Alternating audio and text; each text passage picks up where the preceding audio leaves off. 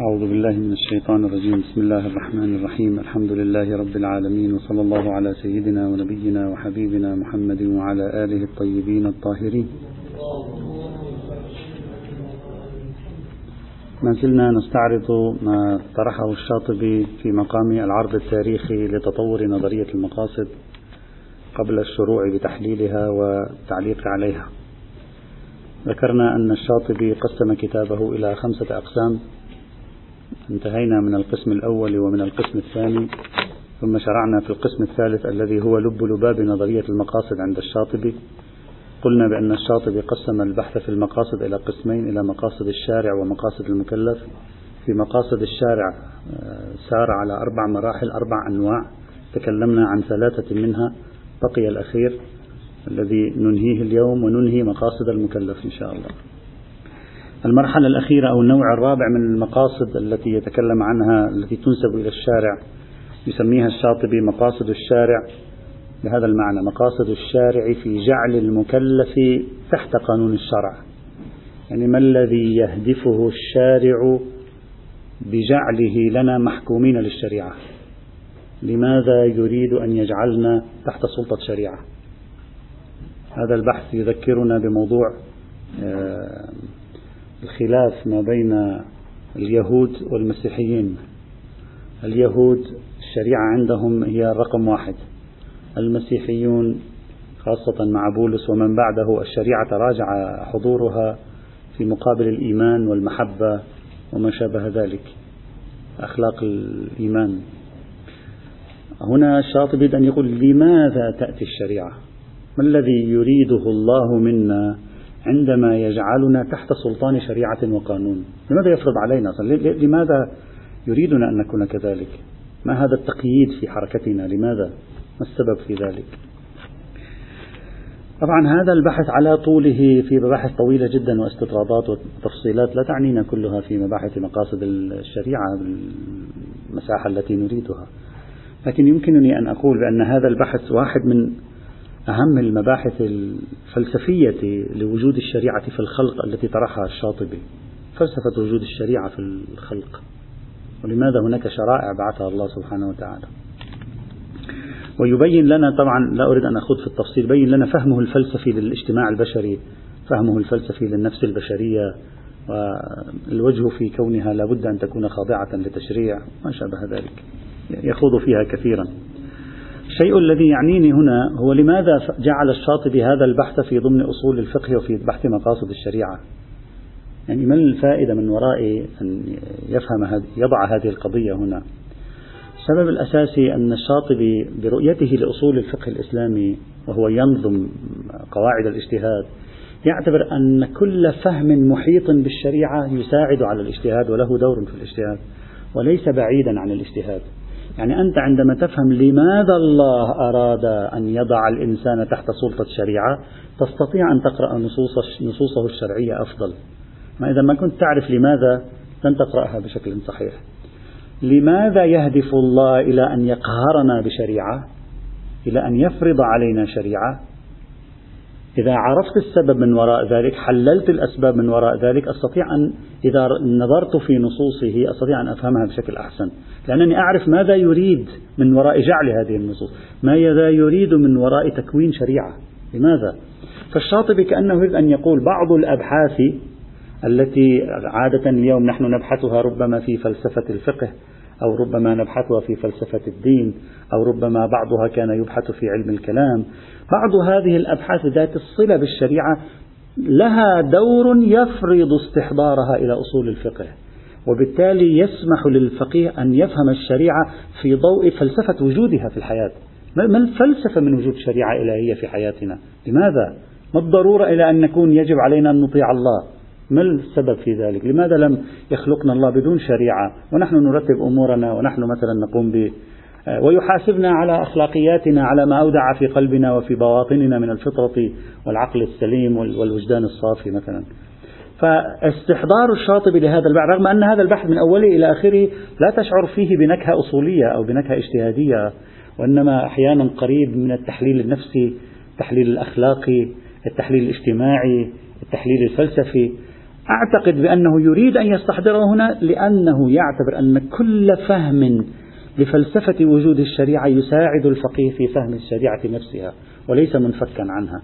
والفقيه الذي يدرس النصوص الشرعية بعيدا عن هذه الرؤية الآفاقية بهذا المعنى للكلمة ربما يعجز عن فهم فلسفة التشريعات وعن فهم التشريعات نفسها. لذلك يخوض بحثا طويلا في هذا الموضوع ربما تقريبا يعني لا أدري الآن أنا كتبت الصفحات. بحثا طويلا في هذا الموضوع لأجل أن آه، يتحدث بالتفصيل عن هذه القضايا. يبدأ الشاطبي بالمقدمة الأولى التي يعتبرها حجر الزاوية في فلسفة وجود الشريعة. إخراج الإنسان من عبادة الهوى إلى العبادة الاختيارية لله. هذه هي الفلسفة. وهذه هذه الحجر مهم جدا بالنسبة للشاطبي كما سنرى بعد قليل. يعني الإنسان آه، الهدف من أن الله أمرني وألزمني أن يخرجني من حب الهوى. لو لم يتدخل الله ويفرض علي شريعة لما كان بإمكاني أن أخرج عن سلطان هواي وجود الشريعة مؤشر مساعد على خروج من سلطان الهوى إلى عبودية الله سبحانه وتعالى. العبودية الاختيارية يقول بعد أن كنا جميعا عباد الله بالاضطرار وبالتكوين. إذا حجر الزاوية هكذا رؤيته. فلسفة وجود الشريعة عنده ليست كما يقول ابن سينا. إذا تذكرون في العام الماضي بحثنا ليس كما يقول الفارابي تنظيم الاجتماع الإنساني وعدم وجود التنازعات بين البشر. لا. واضح أن الشاطبي يفكر بطريقة أخرى. تحقيق مقام المعارضة للهوى يعني له نزعة أخلاقية صوفية. وطبعا الشاطبي في كثير من بحوثه كما قلنا لديه ميل أخلاقي روحي صوفي رغم معارضته لبعض أشكال التصوف صريحا كما قلنا سابقا في كتاب الموافقات وفي كتاب الاعتصام. فالآن فلسفة وجود الشرع يعني فلسفة النبوات أيضا في الحقيقة بالنسبة للشاطبي هو إخراج الإنسان من عبودية الهوى إخراجه من هذا المأزق الروحي الذي هو فيه نحو عبودية الله سبحانه وتعالى. وليس تنظيم حياته الاجتماعية وليس تنظيم حياته السياسية كما كان يقول فارابي وابن سينا وملا صدر أيضا في بعض من كلماته وغيرهم أيضا. لما قرر الشاطبي هذه الفكرة شعر بأنه في في مشكلة. قال كيف تكون الشريعة قد جاءت لمحاربة هوى الإنسان؟ وفي الوقت عينه هي وضعت لمصالح الإنسان في الدنيا والآخرة. ما أنت لما تأتي بشريعة وتقول للإنسان هذه لمصالحك في الدنيا والآخرة فإذا أن هذا معناه أنه سيذهب نحو مصلحته. فإذا تابع الشريعة فإنه يتابع هواه لأن الهوى يطلب منا أن نبحث عن مصالحنا. صحيح أو لا؟ شعر الشاطبي أنه في مشكلة. العبودية المحضة لله تعالى والتمرد على الهوى ينبغي أن يكون مفصولا عن فكرة المصلحة. يعني ينبغي أن تقول للإنسان هذا أمر ولا مصالح فيه لك. هذا قمة العبودية لله والتسليم وهجران الهوى والرغبات. لكن عندما تقول له في الوقت عينه أنت الشريعة جاءت لكي تخرجك من الهوى إلى الطاعة الإلهية. وفي نفس الوقت تقول له هذه الشريعة جاءت لمصالحك في الدنيا والآخرة ليس فقط في الآخرة في الدنيا والآخرة وهي تستجيب لمصلحتك. بمجرد أن قلت له تستجيب لمصلحتك يعني أدخلت الشريعة في إطار ما يهوى وبالتالي أعدت سلطان الهوى ومرجعية الهوى في حياتي. فإذا أنت لم تفعل شيئا. شعر الشاطبي بهذا التناقض الفلسفي بين نظرية تبعية الأحكام للمصالح والمفاسد التي قررها بالاستقراء وبين هذه الرؤية الفلسفية التي يريد الآن أن يقررها لفلسفة وجود الشرائع في حياة البشر. فأجاب قال نعم الإنسان في أصل أنه يريد مصالحه هذا تستجيب له الشريعة. يعني كأنه يريد أن يقول شبيه ما قال السيد الشهيد محمد باقر الصدر في مقدمة كتاب فلسفتنا على ما أذكر لا تريد الشريعة أن تخلع من الإنسان حب اللذة والفرار من الألم هذا شيء مفطورون نحن عليه. لا تريد أن تخرجنا عن إنسانيتنا. نحن مفطورون عن أن نبحث عن مصالحنا عن أن نبحث عن ما يحقق تكاملنا. تكاملنا هو مصلحة لنا. تكاملنا هو مصلحة لنا. لا تريد الشريعة أن, أن, أن توجد انشطارا بين آه، أصل فكرة أن الإنسان ينزع نحو مصالحه وينزع نحو آه، ما يراه مصلحة له وبين آه، الفكرة الأولى. قال الفرق الذي هنا أن الشريعة تصوغ مصالح الإنسان بطريقة هوى الإنسان اليومي على خلافها. يعني الإنسان هواه اليومي على أن يأخذ مالا كثيرا. هواه اليومي على أن يأكل كثيرا. هواه على أن يفتح علاقات غير منضبطة أخلاقيا مثلا مع الجنس الآخر وهكذا. هذا هوى يومي. هو في الكلية يريد مصلحته وعدم مفسدته. في الكلية يريدها والشريعة وافقته على الكلية.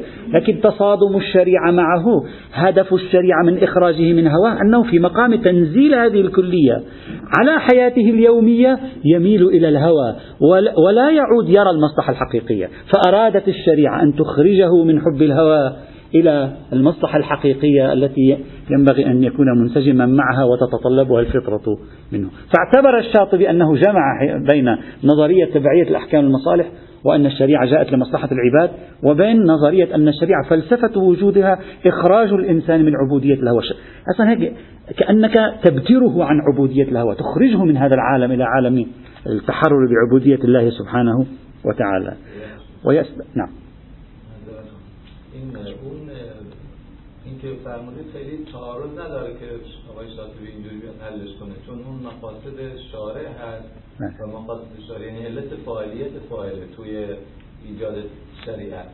و این مشکلی نداره اگه یه قصدی داره فاعل و این فعالیت فاعل ایجاد می‌کنه که شریعت ما قصدمون رو مطابق قصدمون بکنیم که این هوا و هوس نیست. این اصلا تعارض نداره.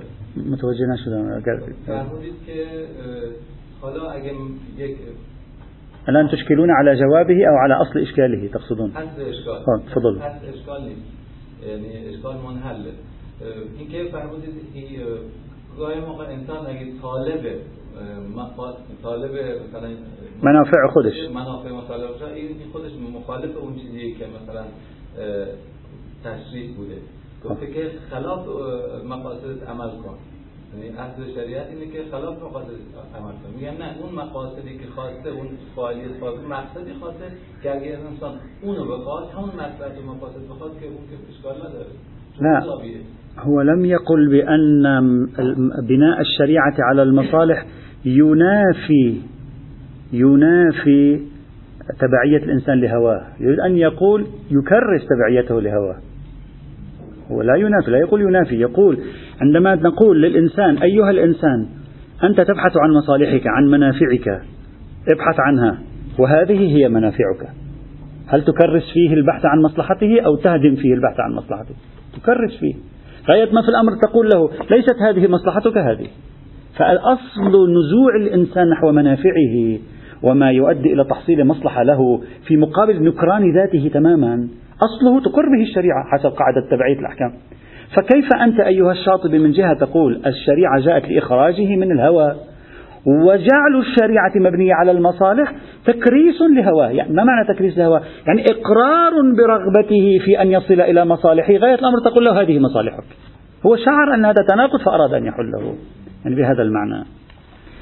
من هذه القاعدة يستخرج الشاطبي نتيجة. يقول كل عمل طبعا الآن تظهر النزعة الأخلاقية عند الشاطبي.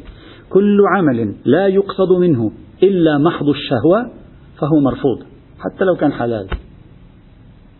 دير بالك انتبه الآن الآن نتكلم عن نزعة أخلاقية وذات رؤية فلسفية. كل عمل تفعله أنت قصدك منه فقط تحصيل لذتك تحصيل شهوتك تحصيل هواك الاستئناس. محضه لا يوجد وراء ذلك شيء. يقول هذا مرفوض. فلسفة الشريعة ليست قائمة على تربية الإنسان بهذه الطريقة مرفوض تماما. حتى أعمال الملذات المشروعة شاطبي ماذا يقول؟ يقول لا بد أن يرجع فيها الإنسان بوجه من الوجوه إلى طاعة الله تعالى. يعني مثلا دعني أشرح لك هذا يقوله الأخلاقيون. فهو إذا أكل لا يأكل لمحض التلذذ بل يقول أكلي متلذذا يحدث في طاقة هذه الطاقة توفر لي قدرة العبادة مثلا. هذا المفهوم الطريقي. وهذا يقوله الأخلاقيون قبل الشاطبي ليس ليست من مخترعات الشاطبي. فكل المباحات يريد الشاطبي أن يجعلها تحت توجيه المقاصد العامة. يعني يعني أنت تفعلها لتصل إلى تحقيق المقاصد الكلية الكبرى. يعني كلها يريد أن يدخلها. يعني تلذذك بالملذات يجب أن تخضعه في مقام النية تخضعه ليكون طريقا إلى تحقيق العبودية الطاعة لله سبحانه وتعالى. لا أن تفصيله. وبالتالي إحنا مثلا في حياتنا اليومية مثلا أنا في حياتي اليومية عندما آكل لا يأتي في ذهني إلا التلذذ بالأكل نفسه. أصلا لا, لا أستحضر أتكلم عن نفسي لا أستحضر أنني آكل لأجل أن أتقوى لأجل أن الله يوفقني لمزيد من طاعتي لأجل أن أقدر على أن أخرج من البيت. فمثلا آخذ درسا هنا أعطي درسا هنا أتصدق على فقير هنا أصلي هناك. لا تأتي في بالنا. يعتبر الشاطبي أن هذا خلل في الإيمان خلل في التدين. والإنسان المتدين يعيد برمجة جميع حياته بما فيها الملذات. لسنا ضد أن يلتز بل يجعل ملذات حياته واقعة في طريق الآخرة. بهذا المعنى الذي يقول وهنا تظهر النزعة الأخلاقية الواضحة عند الشاطبي. وهذا يقوله كما قلت الأخلاقيون. ومن هنا يبدأ الشاطبي يتحدث حول النية أشكال النية تصويب النوايا تصحيح النوايا الإخلاص. ويخوض في ذلك بحث مطول. كثير منه لا ينفعنا لذلك لا أتحدث فيه هنا. بل يذهب الشاطبي أبعد من ذلك عندما يقول إن الأعمال الصالحة الصالحة لا المباحة. إذا أتيت بها بقصد الهوى أي بقصد محض أنك متلذذ بها تلذذا دنيويا صالحة لا المباحة. فهذا أيضا مرفوض في فلسفة الشريعة. طبعا يأتي بشواهد على هذا لأن بصرف النظر عن صحة كلامه. نحن فقط الآن نعرض. يقول مثلا وهذه نقطة مهمة بعض الأحيان الإنسان يصل إلى مرحلة هو يصلي. لكن لا يصلي لأجل الله سبحانه وتعالى بالدقة. يصلي لأنه إن لم يصلي مثلا حياته الاجتماعية مثلا تتغير. مثلا فهو يصلي. يقول حتى الأمور المستحب مثلا الزواج مستحب. هو عندما يتزوج إن قصد من ذلك إن كانت النوايا موجهة إلى محض الهوى فهذا على خلاف معايير الشرع. لا يقول حرام يقول على خلاف فلسفة وجود الشريعة. لذلك يريد من الإنسان أن ينخلع تماما عن موضوع الهوى. ويريد كل مسيرة النية والقصود الداخلية أن تصبح لله. هذا الذي أقصد النزاع الأخلاقي يعني ليس فقط المباحات عليها أن تقع في طريق في طريق المقاصد وصراطه. وصراطها بل حتى الواجبات والصالحات يجب أن لا يصبح عند الإنسان عادة على القيام بها فيفعلها أو يترك المحرمات لأجل أنها عادة فقط. كما يحصل معنا كثيرا. لما الإنسان يصير متدين ويدخل في التدين على شكل مداومة أحيانا يكون إقباله على شيء أو تركه لشيء لا لأجل الحرام والحلال بالمعنى الدقيق. بل هناك أسباب اجتماعية وأسباب أيضا راجعة إلى حالته النفسية وليس إلى القصد الإلهي. هذه أيضا يتوقف عندها الشاطبي ويرفضها تماما ولا يقبل بها إطلاقا. نعم لا مقاصدي لأنه يقول بالنهاية المقاصد العامة للشريعة مقصد مقاصد الشريعة لأنه يتكلم عن مقصد الشارع في جعل الشريعة. مقصد مقاصد الشريعة اللي هو أعلى من الضروريات وإخراج الإنسان من الهوى. فهو يقول لذلك كل شيء يجب أن يسير في هذا الطريق. ويلفت النظر إلى أمر جميل. يقول لو حكمنا الهوى في إقامة الواجبات وترك المحرمات لوصل الإنسان إلى مرحلة يتلاعب بالواجبات والمحرمات لأجل الهوى. لأنك أنت في النهاية جعلت القرار بيد الهوى. صحيح أنت تفعل الواجبات وتترك المحرمات لكن تفعل الواجبات وتترك المحرمات لمحض أنها هواك يعني لمحض أنك صرت مستأنسا بها. أنسا دنيويا لا مستأنسا بها أنس طاعة؟ لا مستأنسا بها أنسا دنيويا. فلأجل ذلك أنت في هذه الحال آه، يتحول الهوى إلى مرجع. بما أنك كرست الهوى في حياتك إذا من الممكن أن يأتي يوم هذا الهوى بنفسه يقول لك غير هذا الحرام تلاعب به اجتهد هنا نظر هنا آه، العب بالبص هنا إلى آخره. يعني إلى هذا الحد يبدي حذرا أخلاقيا من التورط في مرجعية الهوى. وكل شيء يجب أن يكون في نهاية المطاف راجعا إلى ما هو أبعد من الهوى أي إلى فلسفة وجود الشريعة. إخراج الإنسان من الهوى إدخاله في العبودية الاختيارية لله سبحانه وتعالى. وعليه وجود المصالح الشخصية في التكاليف ليس لأجل المصالح الشخصية عنده بل لأجل المصالح الأصلية التي جاءت الشريعة لأجلها. هذا هو غرائز الإنسان مصالح الذاتية هذه تقر بها الشريعة. لا, لا ترفضها. لكن تريد أن تجعلها في سياق مقاصد أعلى وفي سياق أغراض أعلى في هذا. ولذلك يتحدث الشاطبي عن مصالح بالأصل ومصالح بالتبع. مقاصد بالأصل ومقاصد بالتبع. كل فعل شرعي تفعله أنت أو تتركه واجبا أو حراما أو مباحا أو مستحبا أو مكروها له مقصد أصلي. تحقيق العبودية والخروج من الهوى وله مقاصد فرعية مثلا أن يكون جسمك صحيحا في الصوم أن يكون مثلا لديك القدرة على الحركة مثلا في الصلاة وهكذا. هذه يقول هذه مصالح تبعية تحويل نظرنا إلى المصالح التبعية وصرف نظرنا عن المصالح الأصلية هو خلل في الرؤية المقاصدية. ونحن الآن مثلا عندما نكتب ونتكلم مثلا في الوسط الإسلامي العام الصوم مهم. دائما نركز على ماذا في عملية الإقناع؟ على مصالح الاقتصادية مثلا أو على مصالح الجسدية. ونركز ونريد ونبني في عقول الناس تصورا أنك تصوم. لماذا؟ لأجل الكلية ولأجل المعدة ولأجل العضلات في الجسم مثلا. هذا هذا خطأ في عملية التوجيه التربوي من وجهة نظر الشاطبي على معاييره المقاصدية. يقول هذا خطأ. نعم قل له هذه موجودة لكن هذه يجب أن تكون بالتبع أمام مفهوم العبودية لله سبحانه وتعالى والتحرر من الهوى. تلك التي يجب التركيز عليها وليس هذه. وبالتالي نحن في خطابنا الديني يمكن أن نكون قد تورطنا في أخطاء عندما ربينا كثيرين على مثل هذه الثقافة فلما تصادم الصوم في يوم من الأيام مع صحة أبدانهم مثلا ولو في وهمهم قالوا لا يجب أن نترك الصوم. لماذا؟ لأنك كرست فيه مصلحة بدنك هذه هو فكرة الشاطبي. هذا المعنى الأخلاقي للكلمة لما يطرحه هنا. ولذلك كثير ما يعبر بكلمة الحظ. الحظ يعني المصلحة النفع. ويحارب كثيرا اندفاع الإنسان نحو تحقيق حظوظه الجزئية. هذه المصالح الجزئية. ويدفعه دائما لجعل المصالح الجزئية في سياق المصالح الكلية حتى تستقيم أغراض الشريعة في حياة البشر من وجهة نظره. على هذا الأساس يحلل الشاطبي سلوكيات الإنسان إلى نوعين. يقول نوع له في نفس الإنسان دواع عميقة. الشريعة مع هذا النوع لا تأتي أحيانا كثيرة لا تقول هذا واجب. لماذا تكتفي بوجود الداعي الفطري عند الإنسان؟ مثلا الإنسان الداعي الفطري له مثلا التناسل والتناكح. فلا تأتي الشريعة وتقول النكاح واجب. لذلك ما تجد نص في أن النكاح واجب مثلا. لماذا؟ لأنها تعتمد على البنية الفطرية والتكوينية للإنسان أنه سيندفع نحو تحقيق ذلك. أما الأشياء التي لا يوجد في البنية وتكوين الإنسان ما يدفعه إليها هذه الشريعة تتدخل فيها بدرجة أعلى. يقول لماذا؟ لأنه لا يوجد مقتض لوجودها في حياة الإنسان. فوجود الشريعة داعيا إليها أو داعية إليها تحقيق لمقتضي وجودها في حياة الإنسان. هذا مثلا الإنسان بطبعه يكسب المال يأخذ المال. ليس بطبعه أن يعطي المال. فلا تقول له يجب عليك أن تأخذ المال وتكسب. النصوص أخلاقية. إذا كسبتم فإن الله يعطيكم مثلا ثواب. من اشترى وباع وتاجر فإن الله يثيبه. هكذا تعابير عامة. أما إخراج المال من جيبه تأتي النصوص القوية. أنفقوا أنفقوا خمسوا زكوا تصدقوا. تأتي عشرات النصوص في الكتاب مئات النصوص في السنة تؤكد. لماذا؟ لأنها على خلاف الطبيعة الميلية.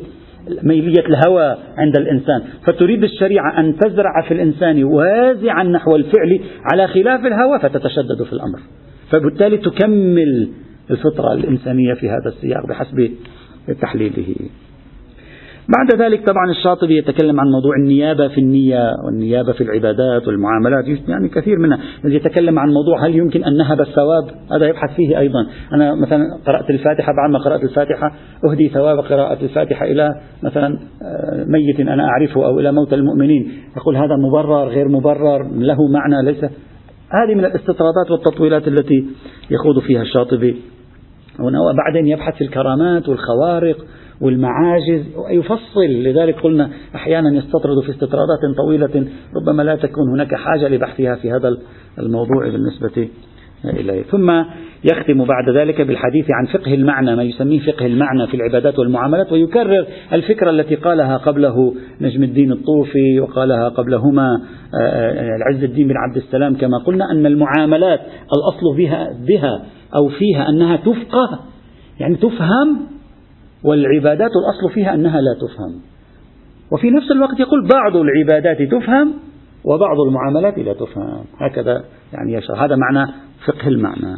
هكذا ينهي. طبعا أنا أخذت المطالب التي تعنينا لتكوين صورة عن الشاطبي. بهذه الطريقة ينهي الشاطبي القسم الأول من القسم الثالث الذي هو عبارة عن مقاصد الشارع بمراحلها الأربعة أو بأنواعها الأربعة. ثم ينتقل إلى القسم الثاني.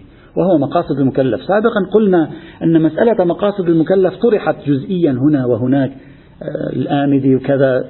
لكن الشاطبي هنا يتوسع بها يتوسع بها نسبة إلى ما قبلها. يعني نسبة إلى ما قبل يتوسع بها لا أنه يتوسع بها ذاك التوسع الواسع لا لكن يتوسع بها نسبة إلى ما قبل. مقاصد المكلف يعني النوايا. النوايا القصود.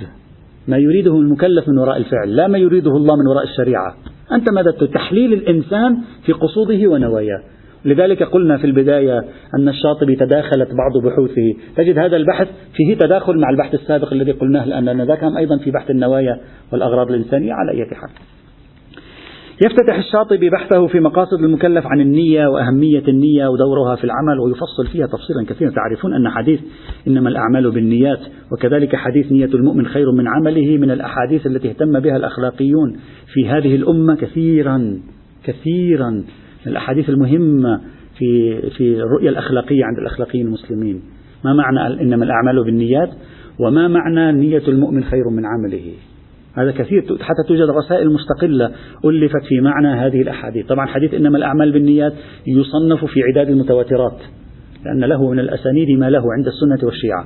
لذلك بعضهم يدعي أن لا يوجد حديث متواتر عند المسلمين إلا حديث إنما الأعمال بالنيات إنما لكل امرئ ما نوى. ولذلك وقع موقع الاهتمام العجيب الغريب من طرف علماء الأخلاق.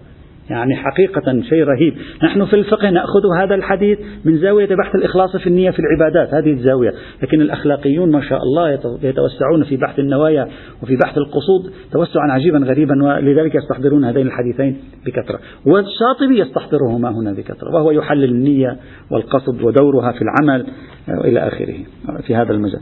ثم يتكلم عن ضرورة تطابق قصد المكلف مع قصد الشارع هذا مبدأ التطابق. مبدأ تطابق قصد المكلف مع قصد الشرع يعني لازم تكون قصودنا متطابقة دائما مع القصود التي جاءت الشريعة لأجلها يعني مع القصود التي عند الشارع آه، تبارك وتعالى. طيب. وهنا يتكلم عن معذورية الجاهل. لو خالفت الحكم الواقعي واشتبهت في الموضوع بناء على التخطئة ما الحكم؟ بناء على التصويب يبحث في التخطئة والتصويب. يتكلم عن شيء شبيه بالتجري والانقياد. كل هذه يبحثها هنا. لا نريد أن نطيل ولا نريد أن نتوسع. هنا الشاطبي بمناسبة الحديث عن النية يأتي إلى فكرة الحيل والذرائع.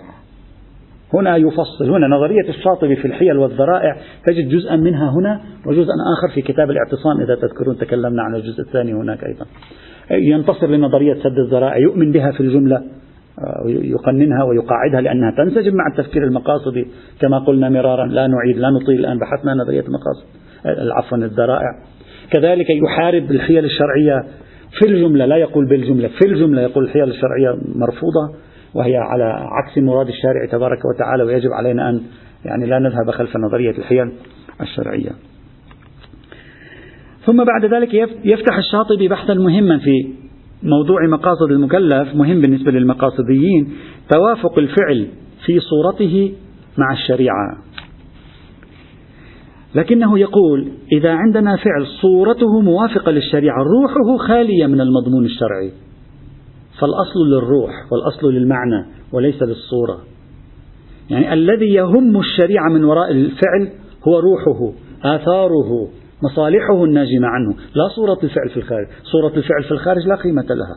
إنما جيء بصورة الفعل في الخارج لكي يحقق هذا الفعل المصلحة والغاية التي جاء الأمر من وراء هذا الفعل. ولذلك إذا صادف أن فعلا من الأفعال صورته على وفق الأمر الشرعي باطنه لا يحقق مقصد الأمر الشرعي لا قيمة له بالنسبة إلى الشاطب وهذا بالنهاية تأثير من تأثيرات نظرية المقاصد عنده. مثلا يعطي مثال يقول إذا شخص صورة الفعل هكذا آب قبل أن يأتي الحول في الزكاة جاء بهذا المال ووهبه لشخص آخر.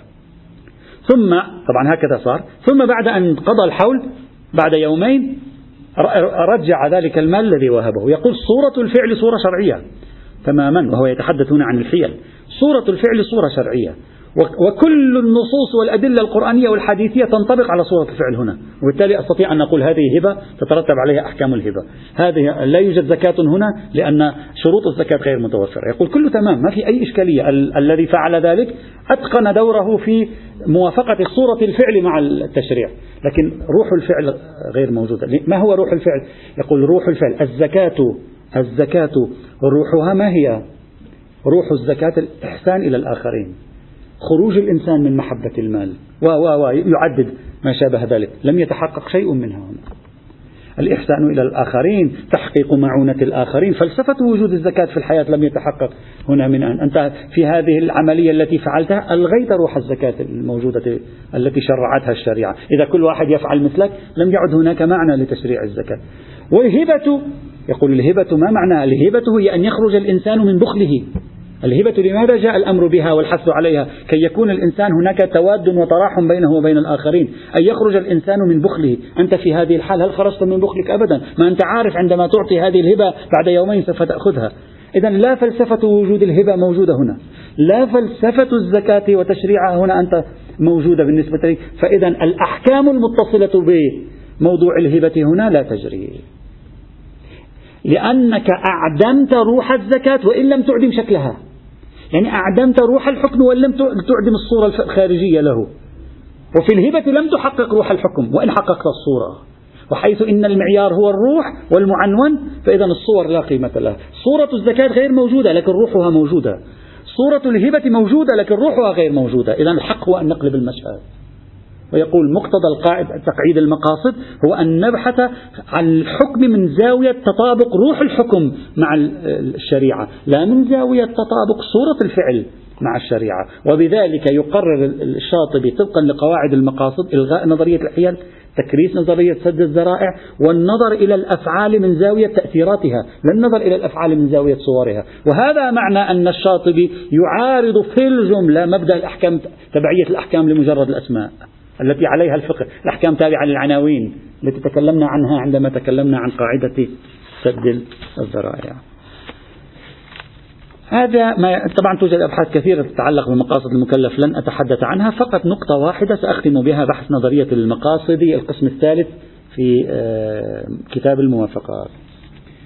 الشاطبي بمناسبة من المناسبات يتحدث عن موضوع الحق أن يضعه في القسم سابقة يعني في قسم مقاصد الشارع لا في قسم مقاصد المكلف. لكن هذا الموضوع يعنينا. وهو يسأل الشاطبي نفسه كيف لي أن أعرف المعنى المقصود للشارع من وراء الحكم؟ كيف لي أن أعرف المعنى؟ أنت تقول العبرة بمعنى الحكم العبرة بمقصود الحكم العبرة بروح وغاية الحكم. كيف لنا أن نعرف ذلك؟ هذا أهم سؤال أصلا في المقاصد. يعني هذا هو إذا في تحدي يواجه المقاصديين كما سوف نرى هو هذا. كيف لك أن تعرف المعنى المراد من الحكم لا كيف لك أن تعرف معنى الألفاظ؟ معنى الألفاظ نعرفها. باللغة العربية نعرفها. لكن كيف لي أن أعرف كما قلت أنت قبل قليل؟ كيف لي أن أعرف أن فلسفة ومعنى الحث على الهبة هو خروج الإنسان من صفة البخل وتحقيقه حالة التواد والتراحم مع الآخرين؟ كيف أعرف؟ منين عرفت هذه أنت؟ منين, منين جبتها؟ أحد أخبرك قل لعل الله له شيء آخر في ذلك. كيفية يعني دعني أسميه كما سميته سؤال الوسيلة إلى معرفة مقصود الشارع في الحكم. ما الوسيلة التي تستطيع أنت أيها المقاصدي أن تدعي من خلالها أنني أصل إلى مقصود الحكم؟ هنا الشاطبي يضع لنا خارطة الاتجاهات. جميلة هذه الخارطة. لطيفة جدا هذه الخارطة. وبعد ذلك ونحن ننتظر الشاطبي ليخبرنا ما هي الوسيلة. لا يقول شيئا جديدا. يعيد بحث الاستقراء ومسالك التعليل في القياس مع أنه هنا كنا أحوج يعني كانت نظريته أحوج ما تكون أن يفصل في هذا الموضوع ويبتكر أساليب وطرق لاكتشاف المقاصد. تختلف عن الطرق التي كانت سائدة. كنا نتوقع منه بسبب خبرويته المقاصدية أن يأتي بشيء لكن في نهاية الأمر يرتد إلى أصل فكرة الاستقراء. وفي غير فكرة الاستقراء يحيلنا على بحث مسالك التعليل في باب القياس. لكن الجميل أنه يرسم لنا خارطة مختصرة حول المسالك والاتجاهات في هذا الموضوع. يقول بالتقسيم العقلي ويقول بالتقسيم العقلي لكن كل هذه التقسيمات لها لها مصادق في الخارج. هو يقول ثلاث اتجاهات عندنا في هذا الموضوع. ما هي؟ وسائل معرفة المقصود أي المعنى أي المغزى من وراء تشريع ما؟ يقول ثلاث اتجاهات. الاتجاه الأول لا يوجد طريق لمعرفة المقصود للمولى لمعرفة المعنى المغزى الغاية الفلسفة في التشريع إلا عبر اللغة. لا تضيع وقتك وتبحث في طريق آخر. تتوه. اللغة. ما معنى اللغة؟ يعني النصوص نرجع إلى الشارع في الكتاب في السنة. هل هو قال لي؟ يعني العلة المنصوصة. نسميه العلة المنصوصة تعبيرنا. هل هو قال لي؟ إذا قال لي خلاص قال لي. ما قال لي لا يوجد شيء. أغلقوا هذا الباب تماما جملة وتفصيلا.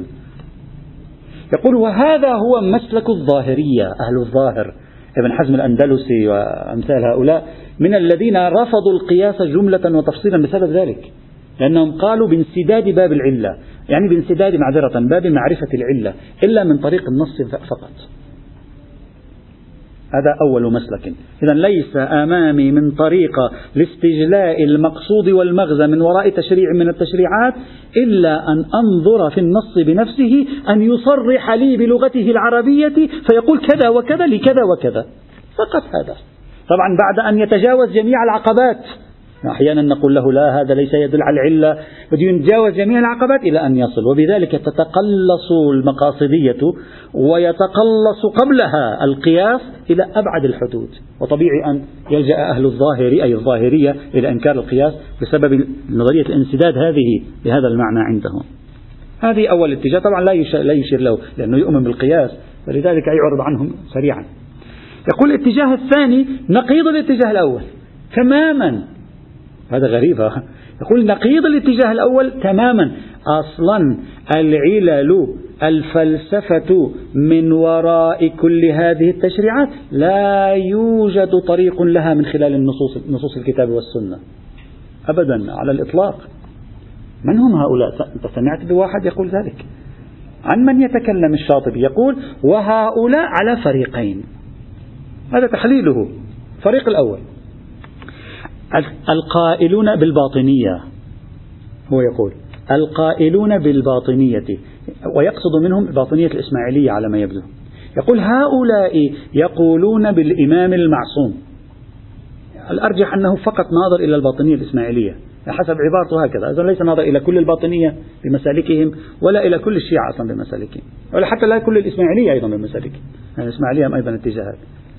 يقول هؤلاء يقولون بالإمام المعصوم. طيب إذا قالوا بالإمام المعصوم يقول هؤلاء يعتقدون بأن هكذا تصوره بأن معرفة مقاصد الشارع غايات الشارع معاني التشريعات لا يكون بالألفاظ بل بشيء وراء الألفاظ.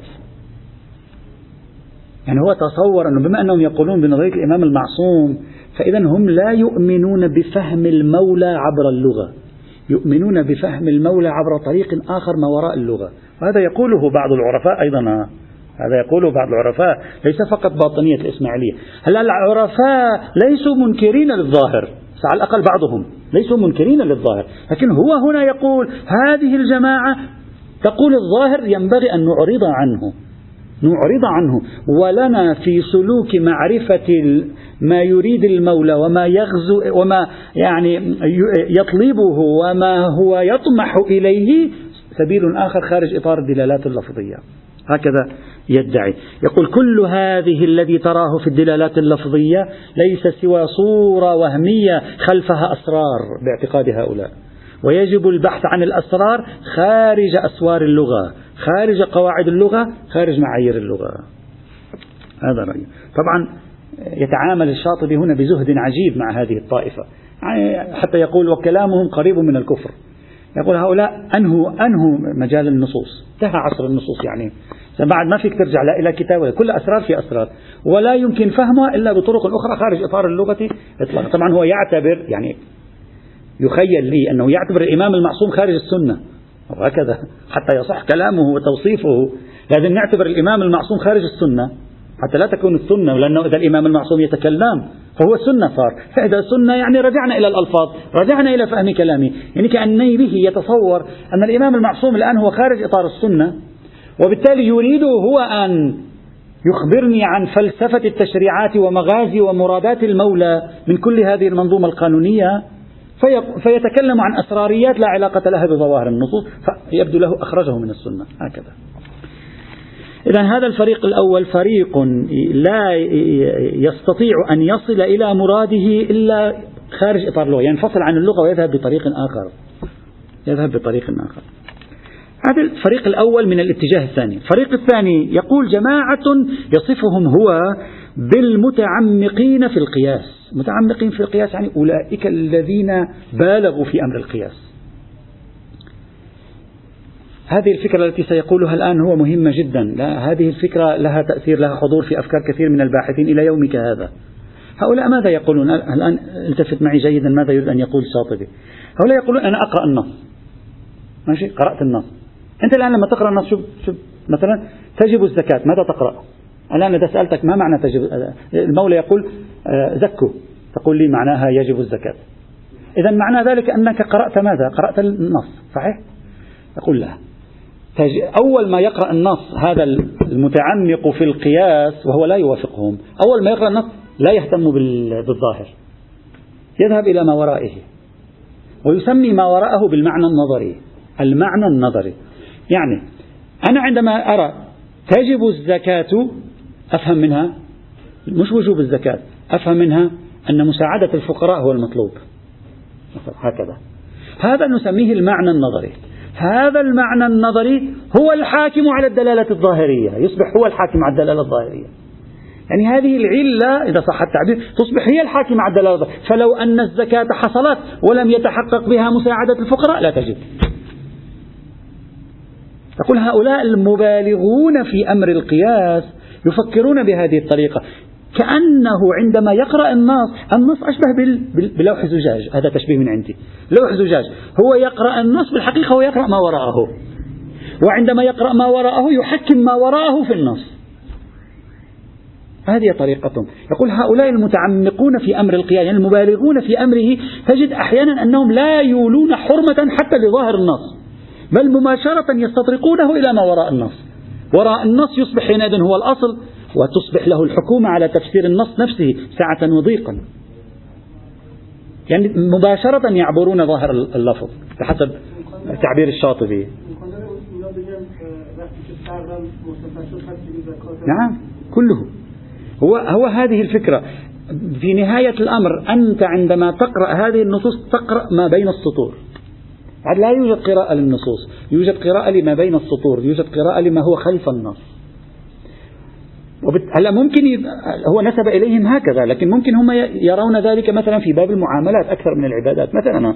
لكن هو هكذا يقول هذا فريق في الأمة بالغوا في أمر القياس حدا أن لم يعد لظواهر النصوص حرمة عندهم. فمباشرة يذهبون خلف النص. يعني يعطون لذهنهم قدرة قراءة النص فيما لم ينطق به. يعني لا منطوق النص يصبح هو أظهر من منطوق النص. هذا تكلمنا عنه سابقا إذا تذكرون عندما تحدثنا عن بعض الأفكار المتصلة بنظرية المصلحة لا مقروء والمقروء أو اللا منطوق والمنطوق وأن اللا منطوق أقوى من المنطوق عند بعضهم. ها مثل هذه المسالك. مثلا لا. كلمة دال الآن ستفرض عليهم حسب نسبته أتكلمها ستفرض عليهم أن يقولوا النص يدل على ذلك. هم هذا مثل مثل ما يقول دوسيير هذا المفكر الفيلسوف المعاصر يعني المتأخر. هو يقول هناك شيء اسمه المعنى وهناك شيء اسمه المغزى. في فرق بين المعنى والمعنى أنا إذا قلت لك شيخنا رجاء رجاء أرجوك ائتني بماء بسرعة. ما هو المعنى؟ أطلب منك الماء بسرعة يا أخي. ما هو المغزى؟ أنا عطشان أنا عطشان أحتاج إلى ماء. الذي يسمع مرة يسمع ويفسر الكلمات. ومرة يذهب إلى المغز تماما عندما ترى لوحة. الموناليزا أمامك تقول عينها كذا حاجبها كذا جبهتها كذا شعرها كذا كتفها كذا لباسها كذا. أنت الآن تذهب إلى المعنى. عندما تريد أن تحلل كناقد فني لا لا تفكر في هذا كله أصلا. أصلا تذهب إلى مكان غيرك من أصحاب العينين لا يراه. فتقول هذا هو المغزى للناحت أو للرسام. الشاعر نفس الشيء. ظواهر الشعر شيء والمغازي شيء آخر. تفصيل بين المعنى والمغزى يساعدنا هنا. هؤلاء كأنما دائما نصب أعينهم أن يمروا بالمعنى نحو المغزى. المعنى له نحو طريقية. ليس هو الذي تدور عليه الدائرة. هلا هكذا هو يوصفهم. لك أن تقول لا الجماعة لا, لا, لا يهدرون حرمة الظاهر وإنما يؤمنون بالظاهر لكن يعبرون منه نحو شيء آخر. هذا تحليل آخر. لكن تحليل الشاطبي هكذا. مثلا دعوني أعطي مثال. أنا هذا مجرد مثال فرضي. هذا المثال أعطيته في, في, في مكان ما. اللعان. مثلا عندما تقرأ أنت آيات اللعان فيما يتعلق أو أدلة اللعان فيما يتعلق بموضوع نفي الولد. اترك موضوع تهمة الزنا والجلد وما الجلد. في موضوع نفي الولد. أنت الآن ماذا تقول؟ تقول إذا لم يثبت يعني إذا ما في بينة ما في كذا نرجع إلى وسيلة الملاعنة. الملاعنة هي التي تنفي الولد أو تثبت الولد. الذي يقرأ بطريقة المتعمق في القياس حسب تعبير الشاطبي لا يقرأها هكذا. مثلا يقول لك هذه ليست تدقيق القصة إثبات النسب فبعد أنت لا تفكر باللعان أنت تفكر بإثبات النسب وبالتالي إثبات النسب هو الأساس. كل طريق يؤدي إلى إثبات النسب تأخذه. الشريعة قالت هنا يوجد لعان لأن ما في طريقة لإثبات النسب في ذلك الزمان إلا التأثير النفسي على الطرفين على الرجل والمرأة. فتؤثر عليهما نفسيا عبر الحلف وينزل علي العذاب وكذا وإلى آخره. فلم تجد الشريعة بعد أسقط ما في يدها لم تجد إلا هذه الطريقة لإثبات النسب أما العبرة ليست بهذه العبرة بإثبات النسب فهو يقرأ إثبات النسب وبالتالي هذه ليس لها أي خصوصية. يقرأ ما وراءها فإذا إجت دي أن أي اليوم انتهى عصر اللعان لم يعد هناك معنى للعان حينئذ مع وجود مثلا دي أن أي مثلا طريقة هؤلاء هي هذه الطريقة العبور السريع.